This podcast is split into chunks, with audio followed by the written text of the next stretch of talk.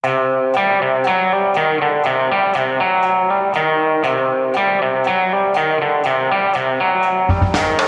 slår grusomt tilbake, metoo slår grusomt tilbake, og det er redaktørskifte i Aftenposten. Dette er Gjever og gjengen, og det er Hvilken dato er det i dag, Tone Sofie? Det er den 9. desember, en mandag. Ja. Kan du bekrefte eller Da er det 15 dager igjen til jul. 15 dager igjen til jul, og har vi fått gjort alt vi skal? Astrid Mæland? Eh, nei, jeg har ikke begynt ennå. Litt tidlig. Ikke jeg heller, egentlig. Uh, nok av det. Altså, vi, vi starter med det aller mest interne, det som har gjort mest inntrykk på oss i dag. Og det var da push-varslene som kom her ganske tidlig på dagen om at Espen Egil Hansen går av som redaktør i Aftenposten. Ja, det er jo vår gamle kollega fra VG òg, det må vi jo si først av alt. Det er han, ja. Han eh, har jobbet ja, mye lenger i VG enn han har jobbet i Aftenposten, egentlig. Han var starta som fotograf og jobbet seg opp. og eh, dyktig redaksjonssjef på VG-nett, da VG-nett var en egen bedrift og ikke en del av, eh, av resten av VG. Eh, og har vært redaktør i Aftenposten i seks år. Og er en, fra mitt synspunkt, en ung mann på 54. eh, Men nå var tiden for å trekke seg tilbake, eller? ja, han har vel sagt det sånn at Jeg tror han sa det sånn at 54 det er liksom siste sjanse til å finne på noe annet å gjøre her i livet, så det sier jo litt for oss som har passert den sjansen. Men nytt og nytt, altså han, går jo, han fortsetter jo i konsernet, da. Han går inn i en ny stilling i Skipsted, eh, ifølge NTB, ser jeg her. Ja. Det er ikke akkurat hvilken jobb han skal ha i Skipsted, men det er altså da i etasjene over oss, i samme hus, da, så vi kan jo fortsatt Direktør, sto det. Direktør, ja. Vi, Ja, kan jo fortsatt, ja. vi skal fortsatt ha den samme Det sitter et par eh, tidligere redaktører fra før av, så da Tore Pedersen blant annet jobber jo der Ja. nå. Men det gamle. positive er jo at eh, den nye sjefredaktøren i Aftenposten skal hentes fra Skipsteds egne rekker. Ja, Så, så, det, kan bli jo hvem som være Anders Gjæve som slår Ja, tilbake. det, ja, Ja. men jeg er over 54, vet du, så det toget har gått. Men dere to, og pluss og kvinner, tror jeg heller ikke er noe ulempe. Ja, jeg var rundt i intervju allerede. Du har det, ja. Uh, ja, men hva tror vi? Hvem kan bli redaktør i Aftenposten? Mest åpenbare må jo være ja, hva skal jeg si, Trine Eilertsen, som er politisk redaktør i Aftenposten nå, da. Det er vel hun vi, vi tipper på alle sammen? Eller har du noe Mm, no insight. ja? Eh, nei, hun har jo vært en sånn åpenbar NK i Aftenposten i mange år, så jeg er egentlig litt overraska at ikke ennå har kommet ut på Medie24 en sånn 'dette er soleklare favorittene til å overta', men det har jo vært litt eh, eh, storleken flere steder. Før helga ble det jo kjent at uh, Frøy Gudbrandsen, som var politisk redaktør i BT eh, Bergens Tidende, altså? Ja, er blitt eh, ny sjefredaktør der. Ja. Og der var jo Trine Eilertsen politisk redaktør før hun ble sjefredaktør i Bergens Tidende. Og der kommer det Aftenposten. Steiro fra, som er vår Ja. redaktør. Ja. Så alt henger sammen med alt, og Skipsted er åpenbart stedet å være for tida. ja. Ja, er det noen som eh, jeg tror at det her er helt sånn eh, easy going, ikke noe gunf og intern gruff og krangling og misnøye, og alle har bestemt Veldig sjelden det er noe gruff mellom journalister og, og redaktører og sånne ting. Jeg vil jo også bare nevne at det er jo en ganske lang tradisjon for å hente Aftenpostens redaktør fra VG. Eh, Andreas Norland i sin tid var eh, gammel VG, eller tidligere VG-redaktør. Einar Hanseid, eh, tidligere VG-redaktør. Eh, og Espen Egil kom jo altså fra, fra VG, så um, Kanskje blir det Magne Antonsen som blant oss sitter. det kan, det kan også være. Det kan også bli deg. Du har jo vært eh, politisk redaktør i Adresseavisa. Ja, det blir det i hvert fall ikke. Så, så vi får se. Jeg må ta med en annen liten sånn intern som har da satt eh, greiene i kok. eh, eh, inn skapt plask i andedammen, i hvert fall. Og det er at Aftenposten hadde da intervju med forskjellige folk som da roser redaktøren, som man gjerne gjør når han går av. Og da var også klubb, klubbleder Gunnar Kagge ble intervjuet. Og han, han sa blant annet, og jeg må si ja, uh, uttalelse om at han snakket pent om eh, Espen eh, eh, Egil Hansen, men han sa at han var en karismatisk person med sterk tro på seg selv. Det har hjulpet ham til å få med redaksjonen på vanskelige omstillinger, men han har til tider trodd så sterkt på seg selv at han ikke har hørt på råd fra andre. Omstillingen har vært nødvendig, men det kunne vært mindre smertefulle om han hadde lyttet til gode råd fra ansatte. Og dette, og dette har han åpenbart angra på, han Kaggel. Han syntes at det ble for sterkt når han så det på trykk, så han har sendt ut en e-post til alle i eh, Aftenposten hvor han ja, han trekker jo ikke tilbake, for han sier han har satt sagt det, men, eh, men han eh, skulle ønske at det var kommet fra mer av det positive han hadde sagt. Sånn. det er sånn det er å bli utsatt for journalister, er det ikke det, Tone Sofie? Jo, det er jo det, og jeg kan jo skjønne, skjønne litt òg, for ofte så er det jo sånn at hvis du sier mye. Og så er det jo det oppsiktsvekkende som ofte kommer fram. Jeg kan jo skjønne at han syns at det der ble litt mye på en sådan dag. Ja, men... Samtidig så tror jeg jo det er noe i det her. Det har vært bråk i Aftenposten internt i siste. Klassekampen har bl.a. skrevet om det.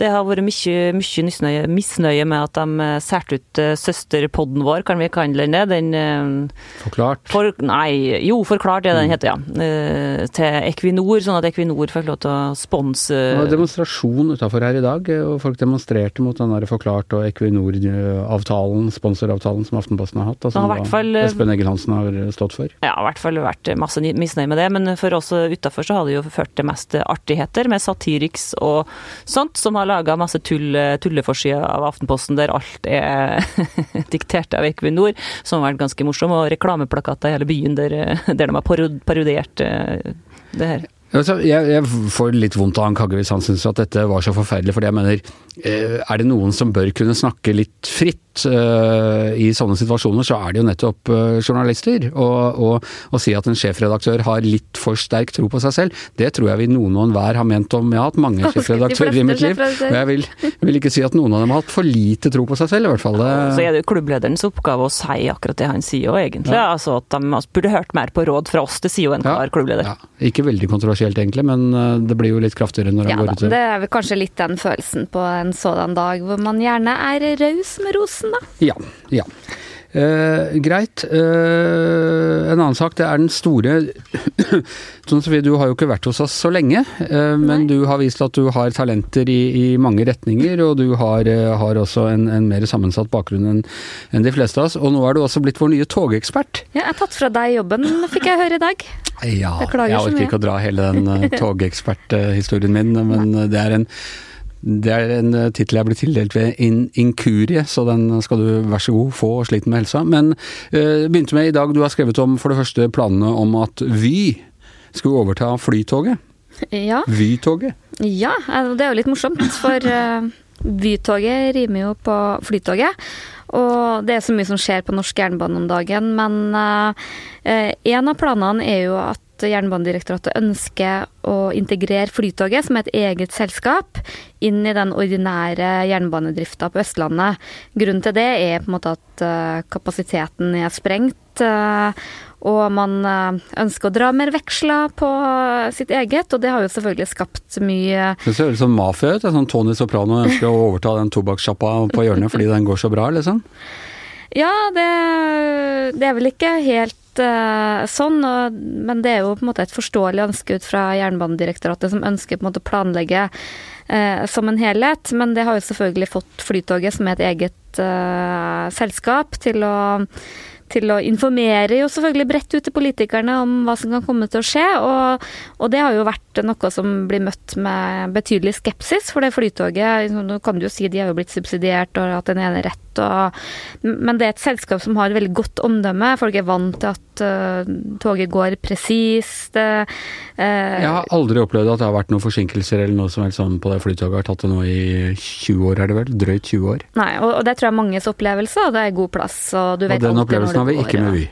Nei, og, men det som er, vi har sett de siste årene, er at uh, Vy har jo kjørt flere og flere tog på den uh, samme strekningen, nesten til uh, halve prisen. Så flere og flere har jo selvfølgelig valgt det togtilbudet, sjøl om det ikke er riktig samme kvaliteten. Og det har jeg valgt ved et par anledninger, og det har jeg angra på begge gangene. For det er stappfullt, har jeg ikke fått uh, sitte, og det gikk litt forsinka, og det var uh, i det hele tatt ses. For meg som har råd, så var det helt klart verdt å, å legge på de 60 kronene ekstra eller hvor mye det er for å kjøre Flytoget. Nå er det vel faktisk 90 kroner ekstra. 90 kroner ekstra. Men jeg tror mange som deg mener at eh, det er verdt det. Men det har også ført til en mer eh, oppsplitting av kundegrunnlaget, som gjør at uh, Flytoget selvfølgelig har mista noen kunder, og så vet vi nå at nå kommer det også flere tog. Så det er nok kanskje den eh, retningen det går, men jeg, tror nok at Flytoget vil bruke både sine politiske forbindelser og også den suksessen de har vært. For Vy har jo ikke akkurat noe som er, mm, har et veldig godt omdømme, så jeg tror mange vil være bekymra for at de skal trafikkere. Men så for å gjøre det ekstra komplisert, da, så vet vi ikke om det er Vy. For det Østlandet skal ut på anbud neste år Ja. i to ulike pakker. Så for alt vi vet, så kan det bli helt, eh, helt nye um, operatører også der. Leder oss ut Ja. på del to. Den helt, eh, vil jeg si, altså Hvis vi fortsatt hadde kalt Vy NSB, så ville overskriften være 'NSB skal få drifte Bergensbanen'. Ja. Ja. Eh, for Det- nå i dag så ble jo den her tredje anbudspakka, da. Det har jo vært eh, den første. Eh, på Sørlandet var det jo britene som vant, mm. Go Ahead. Og i sommer så ble det jo kjent at eh, det Svenskene. var ja, SJ som vant eh, nord for Dovre, Trøndelag og Nordlandsbanen. Og i dag da så var det Vy som omsider vant, og det var liksom sånn eh, Hadde ikke de gjort det nå, så hadde det jo vært fullstendig krise for det Ja. selskapet. Men det er jo litt sånn vant og vant. For det, det de skal gjøre, er at de skal jo betale 2,2 milliarder over ti år for å få lov til å kjøre eh, den strekningen. Og det handler selvfølgelig om at det er en, en lønnsom rute. ja. Eh, og eh, svenskene og, og sånn har jo lovet lavere priser og sånne ting på de strekningene de overtar. Lover Vy nå at de skal sette ned prisen etter at de har fått, fått fortsette å drifte denne Ja, det er jo en eh, Det er jo mm, betraktelig billigere enn i dag. For i, i dag så er det sånn at eh, staten da betaler eh, 200 millioner i året. Eh, for det som staten nå skal få betalt for at vi eh, skal drifte. Men skal vi er jo- betale mindre hvis vi kjører tog til Bergen? Eh, nei, billettprisene er jo ikke ramma av det her. Det er jo et annet selskap som bestemmer de samla billettprisene, men det er, jo, det er jo et underlig Jeg skjønner at veldig mange blir forvirra, for det er en betydelig lavere pris som alle de her anbudene vinner på, og de lover alle sammen mye bedre kvalitet, flere avganger.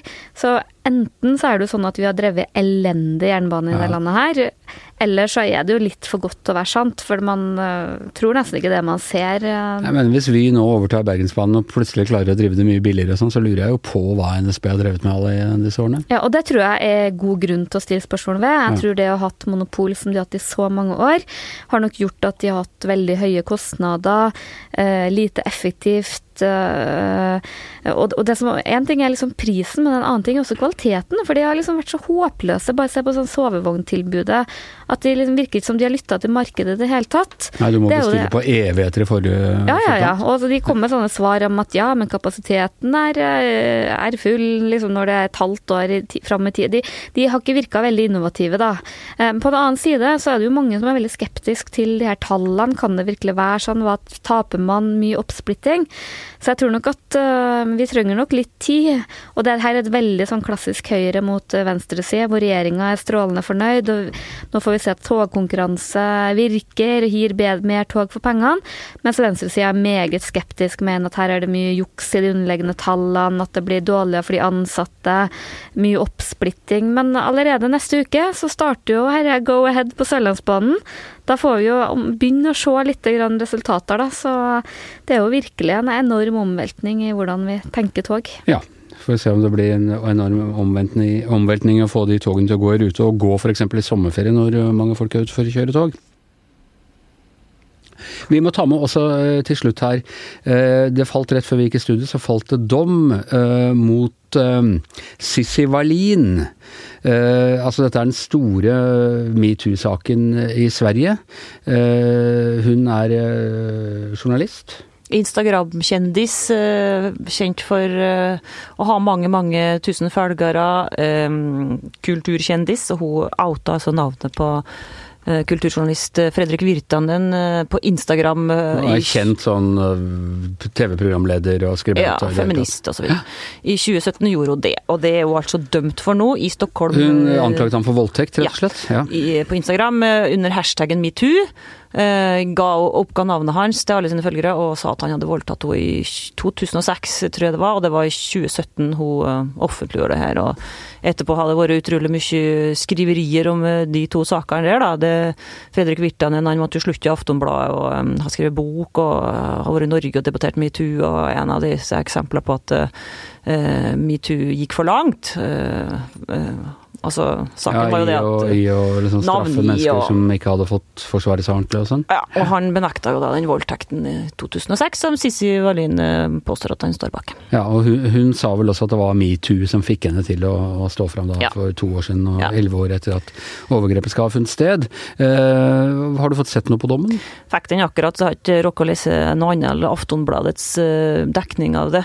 Men hun får altså, er altså dømt for grove, ære, grove ærekrenkelser, får 90 000 i bot, som er mye mindre enn uh, Wirtsen håpa på. Han ville vel ha 250 eller noe sånt.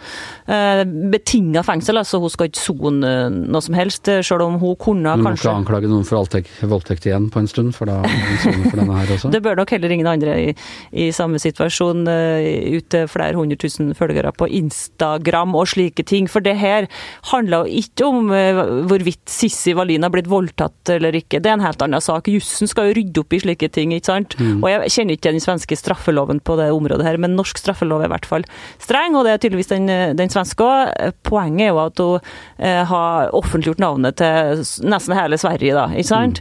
Eh, I norsk straffelov så er det slik at du kan eh, offentliggjøre navnet til mora di og vennen din og arbeidsgiver, og du kan snakke om det, men å, å legge det ut på sosiale medier er noe helt annet. og da Det blir som kringkasting. Ja. eller- ja.